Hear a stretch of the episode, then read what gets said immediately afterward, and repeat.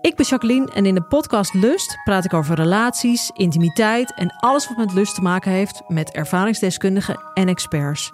Of je nu in een relatie zit, single bent of iets daartussenin, Lust is de podcast voor jou. Overal te beluisteren, dus ook in jouw favoriete podcast-app.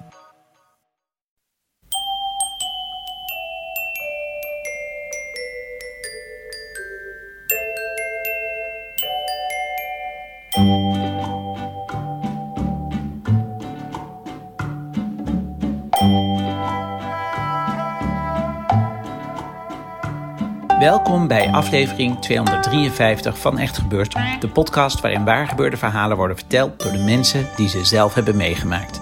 In deze aflevering een verhaal dat Nasira in januari van dit jaar bij ons vertelde tijdens een verhalenavond rond het thema Onderweg.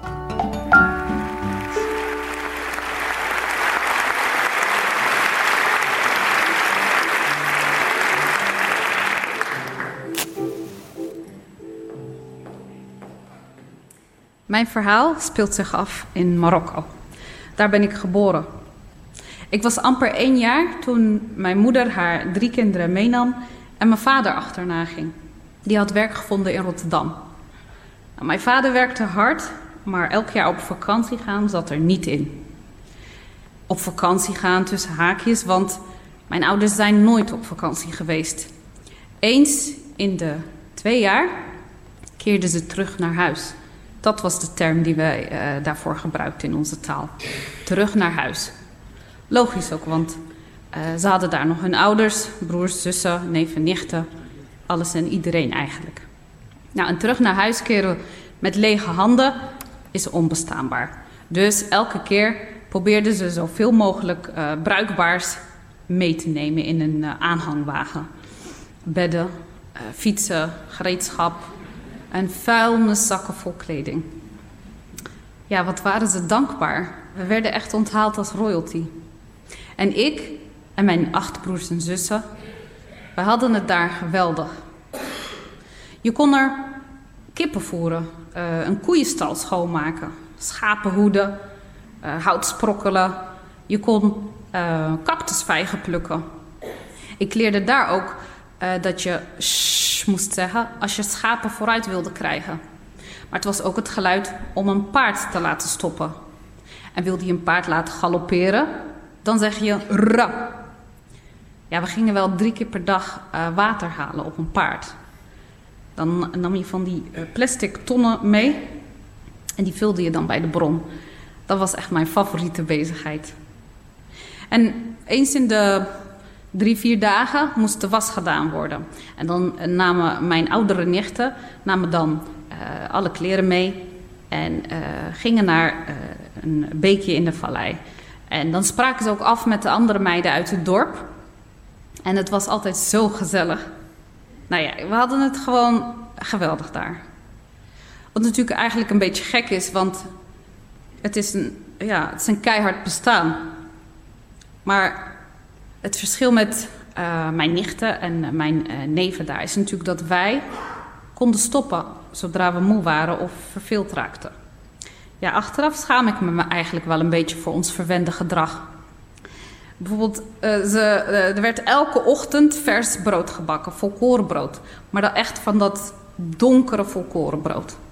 Nou, wij, wij kinderen uit Nederland moesten dat niet natuurlijk gewend als we waren aan die witte zachte bolletjes. Uh. Nee, wij eisten dat ze brood gingen bakken met witmeel in plaats van volkorenmeel. Wat natuurlijk veel duurder daar was en veel schaarser. En ik zal ook nooit vergeten hoe mijn twee uh, nichten, twee nichtjes, die waren verantwoordelijk voor het water halen. Meerdere keren per dag als dat moest. Hoe zij keken naar mijn zusje. Mijn zusje was op dat moment negen jaar. En ze was echt zo'n meisje uh, dat uh, vies was van alles in dat dorp. Maar vooral van dat bruine zand, dat, ja, dat alles bedekte eigenlijk daar. Dus dan ging, liep ze naar buiten met haar uh, mooie witte sandaaltjes. Dan werden haar voeten vies natuurlijk, met zand. Rende ze terug naar huis. En dan klopte ze zo een waterkruik zo over haar voeten heen om het schoon te maken liep ze weer naar, buiten. Maar nu werd het nog viezer natuurlijk, want het is nat. kwam ze weer naar binnen. Weer zo, hop, daar alles eroverheen. En zo zat ze dus vast in een visueuze cirkel van waterverspilling. Mijn arme nichten, hoe ze daarnaar keken. Nee, achteraf uh, schaam ik me echt uh, daarvoor. We waren, ja, ik bedoel, we wisten dat ook allemaal niet. Wat wisten we nou helemaal? We kwamen uit een andere wereld, weet je wel, thuis in Rotterdam. Het was echt een andere wereld. Rond mijn veertiende raakte ik bevriend met een meisje dat heel erg geïnteresseerd was in die andere wereld. Marjolein. Voordat ik haar leerde kennen, stopten al mijn vriendschappen bij de voordeur. Dat was mijn manier om mijn Nederlands zijn en mijn Marokkaans zijn gescheiden te houden. Vond ik wel zo overzichtelijk. En Marjolein was dus de eerste, zo zou al gauw blijken, die daar geen genoegen mee nam. Dan vroeg ze bijvoorbeeld: Mag ik een keer bij jou thuiskomen? Nou, gebeurde. Uh, dan ging ze een stap verder. Wil jij net een keer bij mij thuiskomen? Dan ging ze weer verder. hey, is het niet een idee om onze moeders te laten lunchen met elkaar? En de volgende stap was: hey, uh, willen jullie niet eens een keer komen logeren in ons vakantiehuis in Friesland? Het gebeurde allemaal, want Marjolein accepteerde geen nee. Op een dag zei ze, vroeg ze aan mij: Mag ik niet met jullie mee op vakantie naar Marokko? Ik ben heel erg benieuwd namelijk naar waar je, waar, je dorp, waar je bent geboren. Totaal belachelijk idee. Volkomen onmogelijk. Mijn vader, die dus het kind van een ander, een Nederlander nota bene, onder zijn hoede zou nemen voor zo, zo lang. Ik bedoel, die, die vakanties waren voor hem uh, ja, een loodzware onderneming. En bovendien, zoals ik al zei, ja, hij kende het concept vakantie uh, niet. Laat staan het concept vriendje van je kind meenemen op vakantie. maar goed, als ik heel eerlijk ben, ja, ik vond het eigenlijk alleen een belachelijk idee, omdat ik niet durfde te dromen dat het ook echt zou kunnen. Weet je, ik kom uit een gezin waarin gehoorzaamheid aan je ouders ja, een groot goed is. Niet zoiets mals als, als kritisch, outside the box of avontuurlijk denken. Nee. Nou, Marjolein en ik uh, gingen een plan maken hoe wij uh, mijn ouders zouden overtuigen. Haar ouders zouden op de koffie komen om het officieel te vragen. Als een gunst. Want dan zou mijn vader misschien te beleefd zijn om nee te zeggen. Nou, die dag dat ze op de koffie kwamen, heb ik als een gek lopen schoonmaken, brood bakken, alles om mijn ouders in de juiste stemming te krijgen. Marjoleins moeder, een psycholoog, die deed het woord. En het lukte. Hij zei ja. ja. Ik was zo blij dat Marjolein uh, een paar dagen of een week later zou uh, komen met het vliegtuig. Ik wilde dus echt niet dat zij mijn familie zou zien tijdens die drie dagen, de, drie dagen durende roadtrip in een busje. In die tijd was de maxi-cozy nog niet verplicht, hè, dus je kon je busje vol stoppen met kinderen.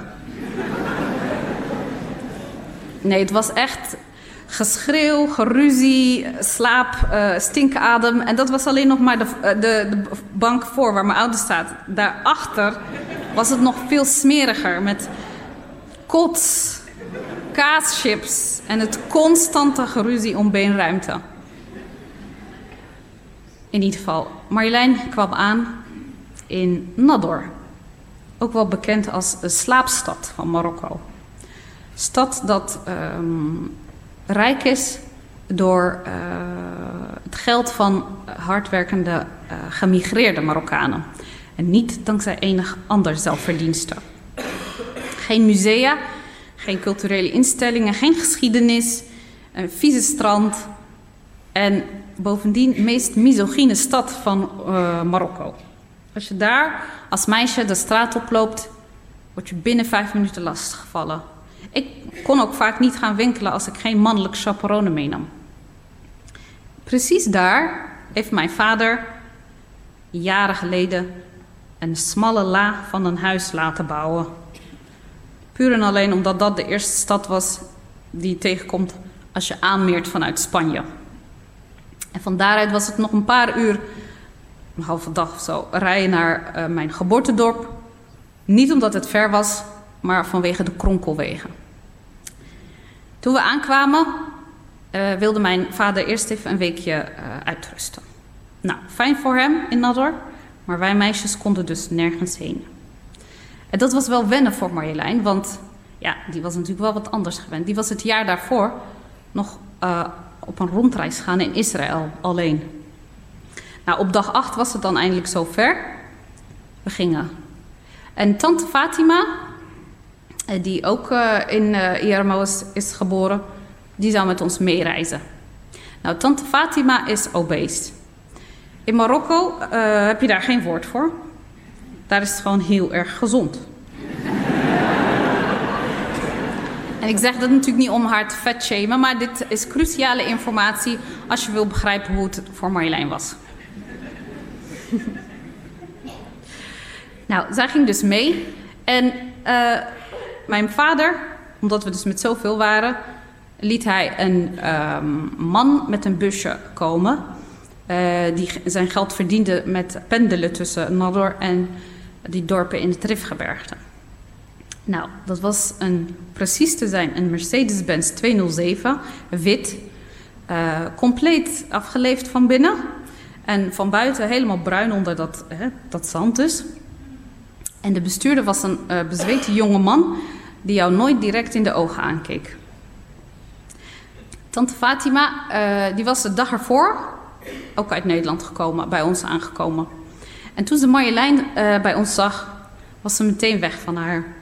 Ja, ze vond haar geweldig. En toen ze hoorde dat Marjolein ook mee wilde naar mijn geboortedorp, dat vond ze helemaal prachtig. Een Nederlander dus die in haar geboortedorp was geïnteresseerd, ze was verrukt. Misschien uh, staat ze dan ook open voor de islam, opperde ze mij een keer. Natuurlijk, zo werkt dat inderdaad. Nou, omdat ze dus zo dol was op uh, Marjolein, moest en zal uh, Marjolein moest naast haar gaan zitten in de, in de auto, op de krappe achterbank. Aan de ene kant mijn tante, aan de andere kant mijn eveneens wel doorvoede moeder. En zelfs mijn zusje moest op die bank. Maar zij was tenminste zo verstandig om uh, bij het raam te zitten. Nou, ik, ik, weet nog precies hoe haar gezichtsuitdrukking was. Want ik zat op de bank voor haar en ik heb er een foto van gemaakt.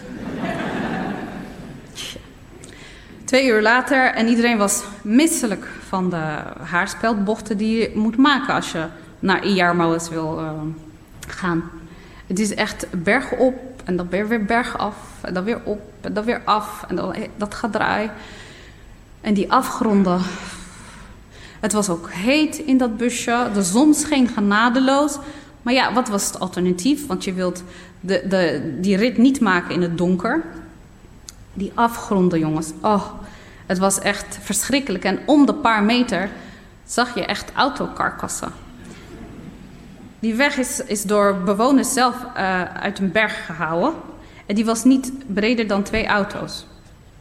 Als er dus een tegenligger kwam, moest je eigenlijk naar de een schakelen en elkaar stapvoets uh, passeren. Iets waar die ervaren bestuurder van ons niet altijd zin in had. Mijn arme moeder heeft echt de hele weg prevalent doorgebracht met schietgebedjes, want ze vond het eng. Nou, ergens tijdens die reis ging Marjoleins telefoon, mobiele telefoon af. Het was haar moeder. Die wilde weten hoe het gaat. Nou, Marjolein die vertelde vol humor over de reis, over tante Fatima, over, uh, over, uh, over, over, die afgronden, over die autokarkassen, over die kronkelwegen. Goed, ik bel je straks uh, als we aankomen, zei ze tegen haar moeder. Als we al aankomen met die kronkelwegen, ha ha ha. Als we er bijna zijn, nog één berg verwijderd of zo, stoppen we in de vallei bij de dorpsmarkt. Daar gaan we brood, vlees en uh, drinken halen voor uh, feestmaal waarmee we straks worden onthaald. Ha, denkt Marjolein, eindelijk even de been strekken, even een rondje lopen. Maar ik, ik weet wel beter. Want de dorpsmarkt in het Rifgebergte is strikt mannenterrein. Daar loopt geen vrouw rond. Zullen we even een rondje lopen? Uh, vraagt ze aan mij. Nee, zeg ik. Maar waarom niet? Ik heb daar geen antwoord op. Dus ik doe het laatste wat ik op dat moment kan bedenken. Vraag maar aan mijn vader. Wat daarop volgt is een uiterst ongemakkelijk gesprek tussen mijn vader en Marjolein. Krachtmeting bijna. Nee, antwoordt hij, ik ben zo terug. Marjolein houdt aan. Nee, maar we zijn, eh, we zijn zo weer terug en, en, en we blijven in de buurt. Hij is even stil. De kinderen op de achterbank voelen dat er iets is, dus die zijn ook stil. Spanning is om te snijden. Dan zegt hij nee, iets harder, zonder uitleg dit keer. Maar Marjolein houdt aan. Ze lacht ongemakkelijk. Um, maar waarom dan niet? We blijven echt in de buurt. Hij is weer stil. Hij kijkt voor zich uit. Het lijkt alsof hij het overweegt. Dan lacht hij verontschuldigend en zegt hij: Nee. Voor mij was dat een heel pijnlijk moment. En ik ben echt nog dagen boos gebleven op mijn vader. Maar het gekke is, als Marjolein er niet was geweest, had ik het nooit in mijn hoofd gehaald en dan was ik dus ook nooit gefrustreerd geraakt. Marjoleins aanwezigheid had eigenlijk iets in mij veranderd.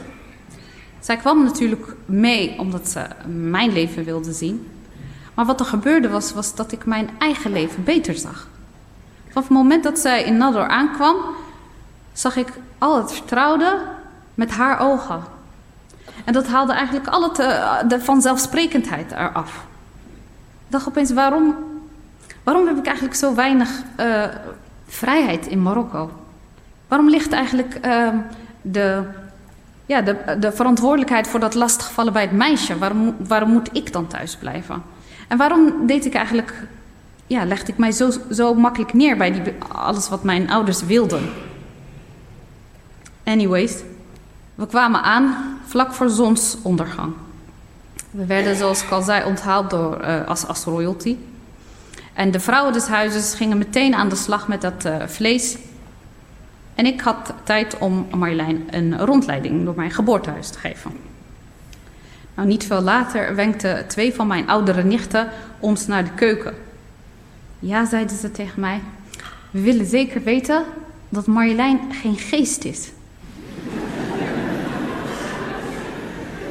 En de beste manier om dat te testen, dat weet iedereen, is met zout. Geesten houden niet van zout.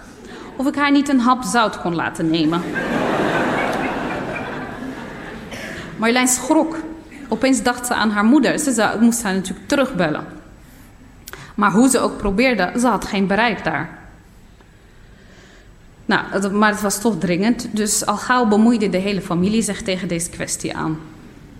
Mijn dorpsneef die had wel één idee waar, waar we de meeste kans van slagen hadden. Het was inmiddels donker toen Marjolein, ik en nog een paar kinderen de, het dak van mijn, uh, van mijn lemen huis uh, opklommen. Daar stond een antenne, heel gammel en heel amateuristisch geplaatst, maar het was onze enige hoop. Inmiddels was er, uh, ja, de, de tijd drong, want eh, de batterijen van Marjoleins telefoon raakten bijna op en elektriciteit hebben ze daar niet. Nou, mijn neef ging uh, aan de antenne friemelen. En Marjolein moest daarboven met haar telefoon zo hangen, op elke millimeter. Totdat, uh, in de hoop hè, dat ze één of twee streepjes bereik zou vinden. Ze maakte zich echt zorgen nu. Ik bedoel, het, het wilde maar niet lukken. Ze was bovendien ook uitgeput van de reis natuurlijk. Ze stonk naar zweet en echt niet alleen van haar eigen lichaam. En toch, weet je, zoals we daar stonden, op het dak van mijn geboortehuis, in het donker, de hemel bedekt met sterren. Het, was, het is een van, uh, van, van mijn meest dierbare gedeelde herinneringen. Eindelijk, het lukte. Met twee streepjes bereik belde ze haar moeder. De opluchting aan de andere kant was hoorbaar.